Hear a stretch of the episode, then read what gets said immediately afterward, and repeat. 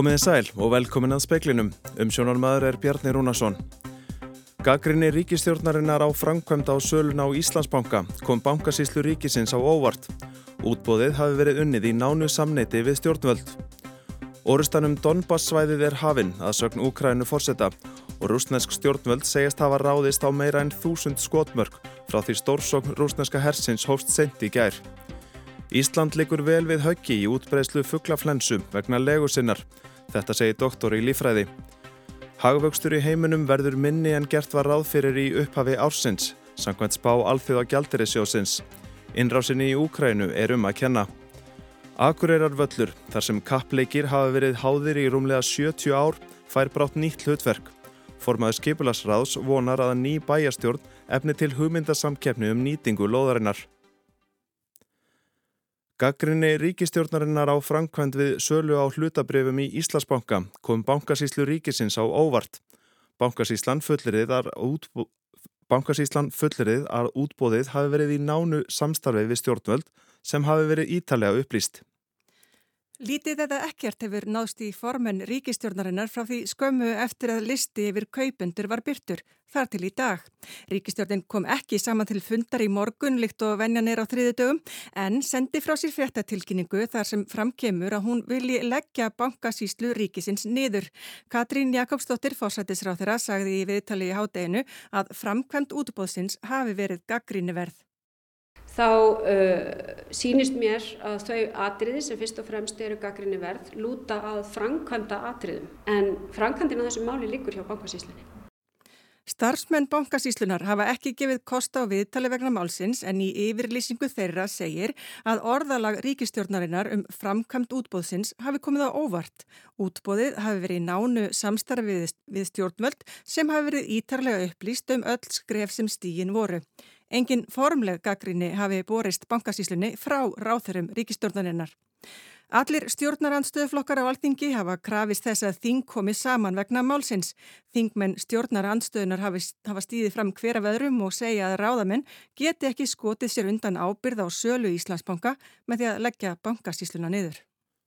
Alma Ómarsdóttir tók saman. Stórsókn rúsa á Donbass svæðinu hefur lengi verið yfirvóðandi og er nú hafinn. Volodymyr Selenski, fórseti Úkrænum, lísti því yfir sent í kjær að orustan um Donbass var í hafinn. Зараз вже можна констатувати, що російські війська розпочали битву за Донбас, до якої давно готувались.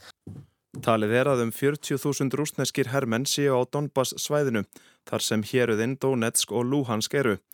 Harðir bardagar geisa við, við um 480 km langa výlínu í austurhluta Úkrænu og rúsnesk stjórnvöld segjast hafa ráðist á yfir 1000 skotmörk. Síðustu hermennirnir í varnarliði Úkrænuhers í borginni Mariupól eru inni króaðir í versmiðu. Þeim höfðu verið settir afar kostir að leggja niður vopn og gefast upp og þá er þeir lífið þeirra þymt. Annars eru þeir drefnir. Sýteðis í dag sögust hersveitir á bandi rúsa hafa hafið áhlaupa á versmiðuna. Bæjastjóri Snæfellsbæjar hefur kert þjófnað á verki ásmundar Sveinssonar af fyrstu kvítu móðurinn í Ameríku til lauruglunar. Fyrir mánuðinum var stittunni stólið af stalli sínum við laugarbakka á Snæfellsnesi þar sem hún hefur staðið frá síðustu aldarmótum. Verkið er frá 1939 og er af Guðrunu Þorbjarnardóttur landkönniði. Hún sildi áttasinnum yfir útöf og ferðaðist fótgangandi um þvera Evrópu. Guðriður var fætt á Íslandi en sildi til Grænlands og þaðan til Vínlands. Hún eignast þar barn, Snorra Þorfinnsson, og er talið að hún sé fyrsta konan af evróskum uppruna sem fætti barni í Ameriku. Guðriður fór einnig til Rómar. Listakonunnar Bryndis Björnsdóttir og Steinun Gunnlaugsdóttir hafa nú komið verki ásmundar fyrir innan í sínu eigin verki sem nú er til sínis fyrir utan nýlistasafnið í Marsjálfhúsinu á Granda. Þar segja verkið rasist.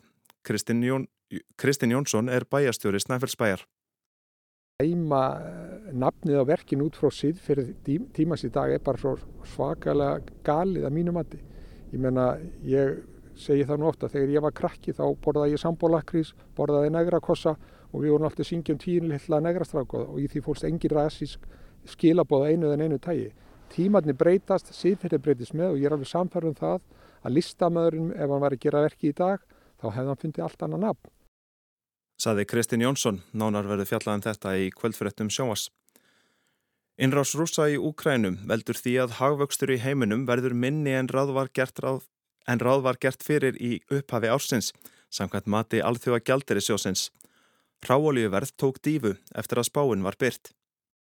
Sérfræðingar alþjóða gjalderi sjósins AGS telja útlitt fyrir að hagvöxturinn á heimsvísu verði 3,6% í ár. Það er 0,8% stegum minna enn í spáni sem var byrt í janúar, mánuði fyrir innrás rúsa í Úkrænu. Í Evruríkjónum er útlitt fyrir að hagvöxtur verði 2,8%. Samkvæmt í janúar spáni var gert ráð fyrir 3,9% af vexti. Talið er að streyðið bitni hart á þjóðverjum og ítölum sem eru háðir jarðgasi frá Rúslandi. AGS tilur að útlitt sé fyrir 35% efnahags samdrátt á árinni við Úkrænu og 8,5% samdrátt í Rúslandi sem verður ítla út til vegna efnahagslegra refsi að gerða margra viðskipta þjóða. Fljótlega eftir að þessi nýjasta spá var byrtið tók heimsmarkaðsverð ráolíu töluverða dífu. Verð á tunnu af norðursjávarolíu hafði lækkað síðdegi sem 5,4% og á bandarískri 2FTI olíu um 5,5%. Þetta þykir til marksum að fjárfestar óttist að eftirspurn eftir ólíu drægist saman vegna nýju spárinar. Ásker Tómasson saði frá. Ísland er tilvalinn staður til blöndunar fugglaflensu vírusa þegar farfuglar mætast á landinu. Þetta segir Erpur Snær Hansen, doktor í lífræði. Fugglaflensan skjóti sér yfirleitt helst neyður vor og haust þegar farfuglar séu á ferðinni. Það sem er kannski sérstatt við Ísland er að að við erum með farfuglu sem fara bæðið á til Európu og líka til Norður Ameríku og varfstöðuna þar. Og það þýðir semst að vírusar sem eru í fuglum í Norður en í heiminum og svo gamla heiminum eiga möguleika að blandast hér, það sem hittast hérna á, á landinu. Og það er með þessa nýju samsetningur af þessum vírusum sem eru valda yfir þessum nýju hefst, alvarlegum ynginum eða verða faraldur sem, sem að geta orðið hans í svæstni sko. Erpur Snær segir nýja vírusa oft fremur valda sjúkdómum en þá sem hafa verið til staðar í langan tíma.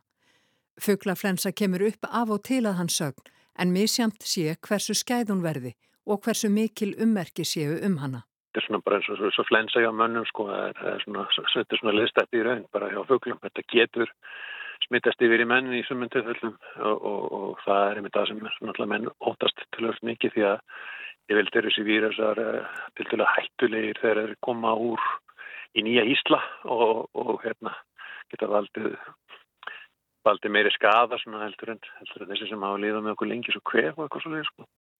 Sæði Erpur Snær Hansen, Ólafur Rún skóladóttir talaði við hann. Það er rétt að leira þetta það að Kristinn bæjastjóri í Snæfellsbæ er Jónasson. Formaður skipilagsráðs Akureyrar leggur til að fari verði í hugmyndasamkeppnu um nýtingu á lóð Akureyrarvallar. Á vellinum hafa verið haldnir kappleikir í rúmlega 70 ár. Akureyrarvöllu var vigður árið 1953 og hefur síðan þá hýst kappleiki Þórs, IBA og síðast Káa. En þeir eru á förum því Káa sem hafa einir spilað á vellinum í um áratug hafa gert samkummulag við Akureyrbæ og flytja á næstunni á nýjan völl á félagsvæði sínu við Dalsbrut. Akureyrarvöllur er sangat gildandi aðalskipulagi skilgreindur sem þróunarsvæði. Þórhallur Jónsson, formaður skipulasráðs Akureyrar, leggur til að næstu skrifverði sett í hendur bæjarbúa. En við erum alveg á því allavega þessi bæjarstjórn sem er að fara frá núna að það sé réttast að setja þetta í hugmyndasamkjafni og, og sjá hvað kæmi út úr því. Þú óttast ekki að þetta verði enneitt staðurinn á Akureyri sem verður rifist um í, í 20 ár og ekkert gerist? Ég efast ekki um að það verði rifist en ég ætla að vona að komandi bæjarstjórn standi í lappirnar og búi til peninga úr þessu sveiði því að þetta er, þetta er stórt tækifæri. Saði Þóraldur Jónsson. Óðinn Svan Óðinsson talaði við hann og líkt og með listverkastuldin hafa verið nánar fjallað um málið í kvöldfrettum sjómas.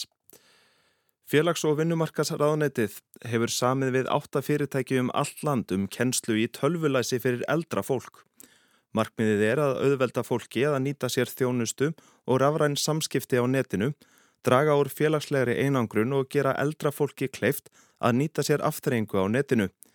Gengi var til samninga við átta fyrirtæki á grundvelli útbóðs ríkiskaupa. Námskeiðin standa til bóða fólki sem er eldra en 60 ára og þarnast kennslu í tæknilæsi á snjaltæki.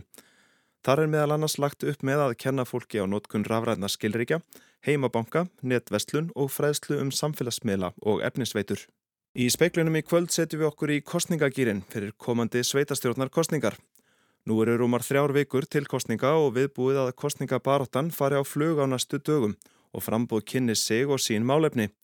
Við ræðum við Efu Marín Lindstóttur, stjórnmálafræðing um komandi kostningabartu og í setni hluta þáttarins beinum við svo sjónum okkar að loftslagsmálum og veldum fyrir okkur hvaða áhrifu loftslagsbreytingar hafa á efnahagslöks og okkar, okkar Íslandinga því hún miðar við ákveðin kennileiti sem eru hverfandi og hvað gerist ef þau hverfa alveg. Eins veltum við fyrir okkur réttarstöðu fólks sem þarf að flýja heimkynni sín vegna þess að landið hverfur undan þeim. En fyrst setjum við okkur í kostningagýrin. Rúmar þrjár vikur er þar til kosi verðu til sveita og bæjastjórna laugardaginn 14. mæ. Borgarstjórnankostningarnar í Reykjavík eru þær viðamestu enda langstæsta sveitafélagið. Á morgun hefjast frambóðsfundir á speilstíma á Rástvö og vefnum rú.is þar sem frambjóðendur í stærstu sveitafélagunum takast á um helstu kostningamálinn. Frambjóðendur í Kópói ríða á vaðið á morgun síðasta vetradag.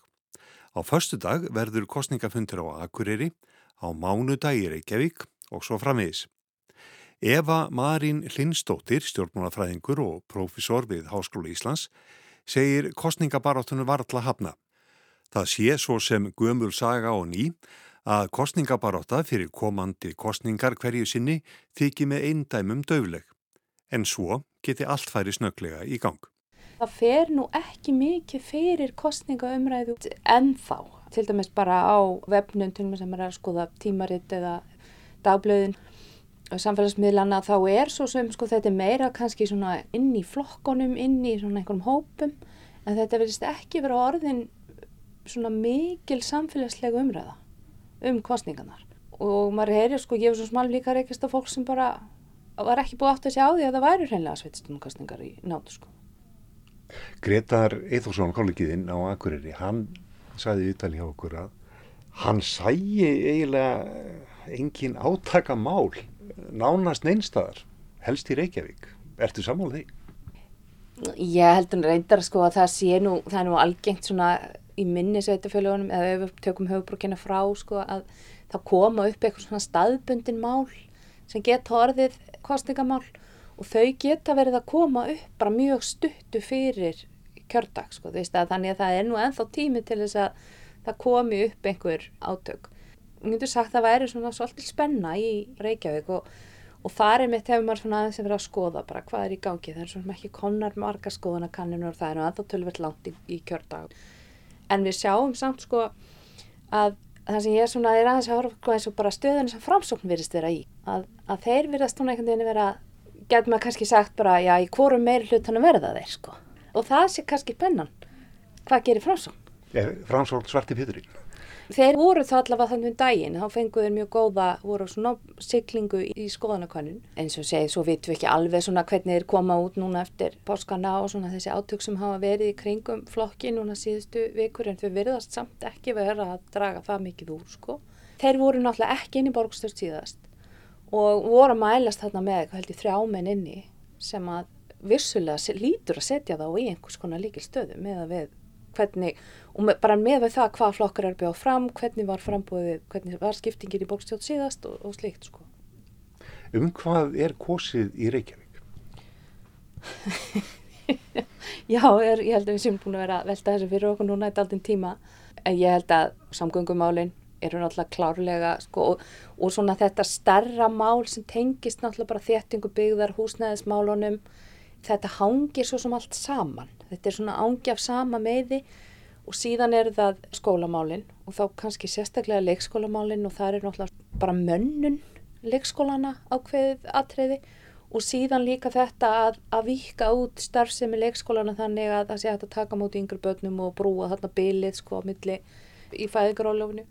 Það virðast vera þessi mál sem að maður er að sjá sko, þessi, það litla sem þó hefur komið fram frá frambjóðunum þá er maður svolítið að sjá þetta. Það er, ætlum við að ganga bara fram með þá stefnu sem að núverendi meiri hlutir með, ætlum við að styðja hanna eða ætlum við að taka einhvern annan kurs En það verður samt vera sem flest frambúðan séu þannig að þau segi við viljum sko bættar samgöngur, við viljum bættar almenningssamgöngur eh, en kannski aðeins öðruvísi heldur en núverandi meiri hlutur með en samt. Þannig að sko valkostirnir er ekki mjög skýrir myndi ég segja, þeir eru ekki orðin það að þá sko. Er ykkur þreita í kjósöndum varðandi meiri hlutan, núverandi meiri hlutan, nú er hann búin að vera nána sami meiri hluti í, í átt ár?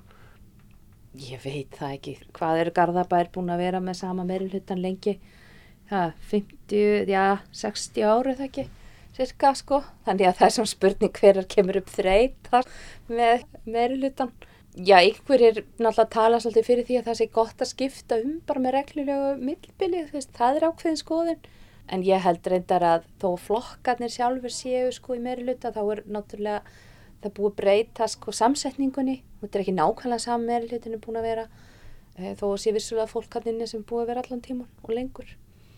En ég ætla ekki að fullera það að það sé komin svona ekki almenn þreita. Hún skila sér allavega ekki, verðist allavega ekki hafa skila sér inn í þessa þessa skoðanakannanir sem við þó höfum séð. Nú eru nýjir frambjóðandur, talsvert um það og konur víða í ótvitasætum og nýjir kjósendur. Hvaða áhrif hefur þetta á framgangkostningar? Ég veit nú ekki hvort að endilega við getum sagt að, að fleiri konur auki kostningaþáttöku það mingi hana. Sko. Ég held að við getum ekki talað um það. Sko. Ég held að þetta sé bara svona, myndi sé heilbrið þróun að við getum verið með bæði konur og gallar í fórsvari fyrir flokkana og, og það sé kannski eðlileg bara skipting. Hvað ungu kjósendurna varða þá vitum við það náttúrulega að þeir hafa verið skilja sér síður inn á kjörstaði og það hefur svo verið líka verið aðeins bent á það að, að bara yngri kynslegur almennt bara undir færti og þessu ólíkleri til þess að koma og kjósa og það er kannski áhyggjöfnið vegna þess að það er mjög hættulegt fyrir staðbundu líðræði ef að kjósendur hætta að mæta á kjörstað. Og við fórum undir Já, við fórum í kringum 60%, þetta var 67% minn með kostninga þáttökar síðast. Hún fór undir 60, þannig allavega í Reykjanesbæ og gott að vera ekki að hafnaferðinu líka.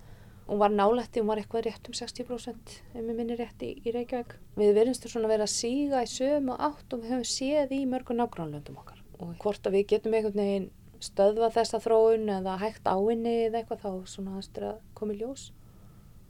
Hvernig eiga frambjóðundur að ná til yngsta kjósendóksins? Ég er nú ekki þessum ég sé rétt að mannskinn til að fara að svara þínu ákvömmlega hvernig, hvernig best ég að gera það. En það hefur til dæmis verið, það hefur stundu verið talað um rafræna kostningar að það er síðan svona einhver laust. En á móti hefur verið bent á og það virðist ekki vera sem að rafræna kostningar auki kostninga þáttöku. Þú veist, ég hef ekki sér ansvönd sem stiðja það. Þannig að sérst, okkar kostningahæðun, hún heldur áfram á netinu.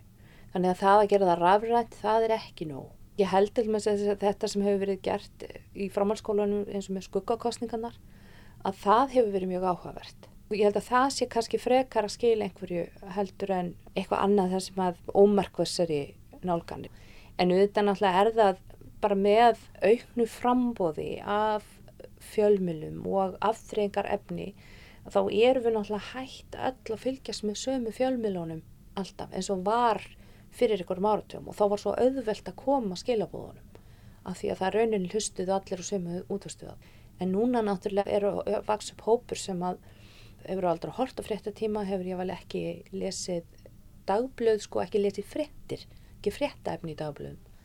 Þannig að, að það getur verið svolítið erfitt að, að koma þessum skilabóðum til þeirra því að þau getur verið svolítið valið sig frá þeim.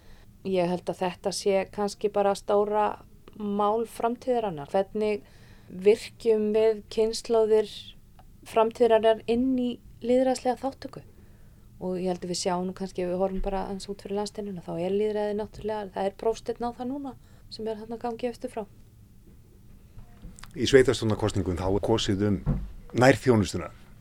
En hefur pólitík á landsvísu, hefur hún áhrif á hvað fólk gerir í kjörklefanum í sveitastónarkostningum, segjum bara Salan og Íslandsbanka sem er kannski hittast að máli í dag. Hefur það áhrif á kostningahöfnum? Það er ansóknir sem hafa verið gerðar hér á landi á þessu hafa sínt að, að það eru tiltúrlega veik tengst. Það veriðist vera tilneying til þess að refsa sagt, stjórnarflokkum í sveitisjóðum kostningum ef þannig er staðan en það er mjög veikt samband. Ef við tölum um allt landið þá erum við náttúrulega með stóran hluta sveitafélaga sem eru ekki með flokksbundin frambúð. En það ásó sem eftir að koma í ljós hvað við sjáum út úr eins og til meins Íslandsbanka sölunni. En það hefur verið nefnt að mest ábyrrandi þar sem að við sáum að flokkunum var refsað í sveitistónukostningum að það var 2010. Þegar raunin sveitistónukostningan þar þá snúast um runið en ekki endilega um það hvað var að gerast í viðkomandi sveitafélagum. Þannig að, að ég held að það sé kannski mest ábyrrandi dæmið en það er náttúrulega alveg ofsalega yktir atbyrðir. Þannig það er spurninga eins og með Íslandsbanka söluna hvort að það skilar sér eitthvað á, í gaggrinni á til dæmis stjórnaflokkana í sveitistónukostningum. Það er náttúrulega mjög erfitt að mæla þetta. Hvað nákvæmlega er það sem veldur því að þú ákveður að kjósa ekki viðkomandi? En við þurfum náttúrulega, jú, jú, það eru gerðarskoðan og kanninur og það er mögulegt að séð einhverjar hefingu.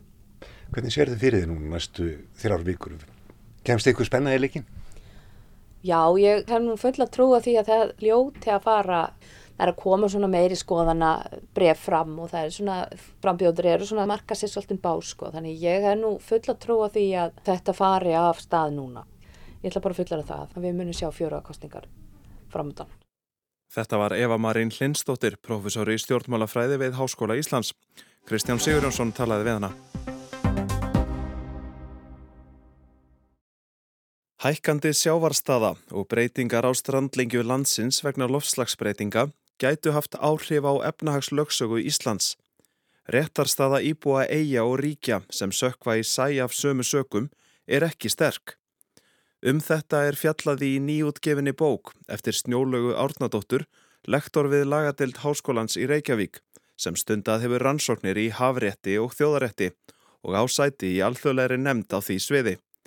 Speillin rætti við snjólögu og spurði fyrst hvernig Ísland finnur fyrir breytingum á sjávarmáli. Sko línur í hafi eru allar miðar við strandlinguna. Þannig að öll strandriki eiga tilkall til hafsvæða, landhelgi, efnagslöksaga, landgrunn og aðlætt belti og við miðum þetta við það hvar bara hafið hittir ströndina í grómdráttum og hafsvæðin fylgja ströndinni bara eins og skuggi fylgir hlut sem skapar skuggan þannig að um leið og ströndin fyrir baka þá eiga hafsvæðin að fara tilbaka og þetta er ekki að hafa neinn sérstök áhrif allavega eins og stendur á Íslandi að því að við erum ekki að verða fyrir neitt sérlega miklum áhrifum hækandi sjámáls eða landrófs og það er mér að landris á Íslandi. En það eru mörg ríki heiminum sem eru raunverulega að fara í kaf. Og það sem að ofsa viður hefur líka áhrif á þetta þannig að bara flóð og stormar geta sko bara tætt í sig kletta sem að eru að einstakir klettar út fyrir landið geta sko ítt hafsvæðinu mjög langt út og, og við erum alveg með einhverja slíka, til dæmis Geirfugladrangur hann er á Reykjanesinu Reykjanes skaga, út fyrir Reykjanes skaga og hann er 16 sjómulur frá meginlandi og við notum hann til þess að draga okkar grunnlínur sem við reyknum síðan öll hafsvæði frá.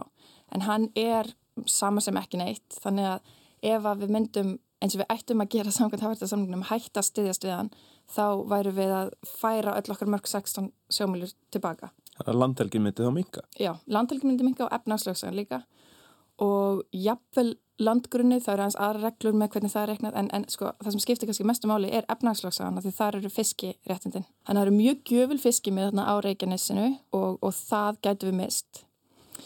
Og svo getur við líka, sé fyrir káð, þá getur við þurft að draga einhver leiti þar tilbaka. Við erum með samning, það getur breyst hvort við erum með efnagslagsu í kringum Kolbjörn segi eða bara landhelgi. Þannig að það, það getur verið einhverja breytingar. Og svo er annar klettur eða flæðisker sem heitir kvítungar nált höfni hotnaferði sem ég held að sé líka alveg að fara þannig að þetta er eitthvað sem að gæti eftir áhrifin á Íslandi en hins vegar er það þannig að núna eru mörg ríki ósátt við þessar reglur eða þessar tólkun hafrættasamningsins að við verðum að breyta línum af því að það auðvitað bara kemur sér mjög illa fyrir marga en uh, þannig að það eru uppi hugmyndir og nefndin sem ég er í hefur þessi alþjóðlega nefnd, hún hefur stungið upp á því að það sé litið svo á að ríki lýsi mörkunum eitt skipti fyrir öll og þurfi aldrei að breyta. Þetta myndi sérstaklega, þetta er eiginlega drifið áfram af uh, ríkjum sem eru alvað sökva. Það eru ríkið sögu kýrahafinu sem eru bara langverst stött sem að eru að reyna að íta á þessa tólkuna því að þetta er, þetta er bara svona lofslags réttlætismál að þau sem að hafa ekki valdið lofslagsbreytingum og eru að missa landsæðisveitt og, og þjóðirnar í svakalegri hættu að þá eigi þau ekki að þurfa að vera að byggja flóðgarða. Það er eina leiði núna til þess að halda þessu skefjum sko. Að eigðu öllum sínum peningum í að byggja flóðgarða til þess að reyna að halda í fiskvæðiréttindin eða þú veist, önnur réttindi í kringum hérna landið. Þannig að það er verið að reyna að breyta þessu en meiri hluti ríkja verðast vera mótfallindi að þetta sé heimilt, að það sé heimilt að frista allt. Og ég held að alþjóðarlagaráð samnið þjóðana hefur beðið beð ríki um að lýsa skoðunum sínum á þessum hugmyndum hvort það eigi að frista. En Ísland hefur hlumins ekki lýst skoðun sinni og ástæðan fyrir því að mörg ríki kunna vera mót þessu er að það, ég, ég held það allavega og að mínum að þetta verði að helsta rauksundarmóti að þetta grefir þá svo undan sko, þjóðaréttinum. Ef við fyrir að segja að þetta er ósangjöldn regla núna út á lofstafsbreytingum, það kemur sér illa fyrir einhverju sem eiga það ekki skilið að þá megum við bara hunsa ákveðnar greinar hafverðarsamlingsins sem er hugsanlega mikilvægast samningur í þjóðarætti sem hefur noktið að vera gerðir að þá er það bara mjög hættileg þróun að segja við skulum bara hunsa þetta eða, eða við skulum bara breyta tólkuninni sem, sem að sko spannar allavega öld aftur í tíman þá hefur við litið svo á að hafsvæði fylgi strandlenginni En eins og segir, það eru ríki sem eru reynilega bara að hverfa. Mm -hmm. Hver er réttast að þeirra sem að sitja ekki eftir á, á þurru landi? Mm. Hvað verður um þá sem þar búa til dæmis? Já, það er, það er annað sem að þessi nefnd mín er líka að, að skoða. Þetta eru, sko, hafsvæðin er bara eiginlega fyrsta skrefið, þú veist að það, það er, þetta getur verið hérna, mjög alveg mála að ríki missi hafsvæði en, en síðan er þetta spurningum uh, íbúana og það er þegar uh, ofbúslega margir sem eru að verða fyrir áhrifum, við erum alltaf að sjá það í fréttum, ég meina flóðin sem valda því að einhver svæði verða óbyggileg og allt það og það er spáðað um 300 miljónir manna verði fyrir áhrifum af hækandi sjáamáli og þessum ásafæðri fyrir 2050 þurfi þá að flytja eða missi heimilsinn. Þannig að þessir einstaklingar falla ekki undir flóttamanna uh, vernd núna skilgrinningu þjóðaréttans og flottamannum af því að þeir eru ekki offsóttir heima fyrir. Og ef að ríki algjörlega hverfur sem er hugsanlegt með til dæmis Tuvalu, Vanuatu öruglega, Kiribati og Micronesia og það eru einhver fleiri ríki sem eru raunverulega bara að fara að hverfa fyrir 2050 og áðurinn í hverfa verðu óbyggileg þá er spurning hvað verður um íbúðaðira og sko, ef þau verða óbyggileg eða missa landsveið sitt, þá eru þau hægt að uppfylla skilirðin til þess að teljast vera ríki. Þannig að það er annan stórt mál, hvort að þau geti átt áfram einhverja rött hjá saminuð þjóðunum, hvort að þau sé bara hvort þau hætti að vera með statehood eða svona sagt, teljast ríki og það er bara algjörlega óljóstænt þá. Við í nefndinni erum að reyna að kortleggja einhvern veginn hvaða mögulegu lustnir eru til staðar og hvort þau getur samanast öðrum ríkum, hvort þau getur keift landsvæði innan annars lands og verið sko reki ríki sitt einhvers staðar á hálendinu á Íslandi eða þú veist, þannig að það er eiginlega bara mjög erfitt að reyna að hugsa upp einhverjar lausnir af því þetta er svo fríkað og svo nýtt í þjóðurtunum. Saði Snjólaug Árnardóttir. Það var helst í fréttum að gaggrinni ríkistjórnarinnar á framkvæmt á sörun á Íslandsbanka kom bankasíslu ríkisins á óvart. Útbóðið hafi verið unnið í nánu samneiti við stjórnvöld. Orustanum Donbass svæðið er hafinn að sögn Úkrænu fórseta og rúsnesk stjórnvöld segjast hafa ráðist á meira en þúsund skotmörk frá því stórsókn rúsneska hersins hóst sent í gær. Hagvöxtur í heiminum verður minni en gert var ráð fyrir í upphafi ársins, saggat spá alþjóða gjaldirisjósins. Innrásin í Úkrænu er um að kenna.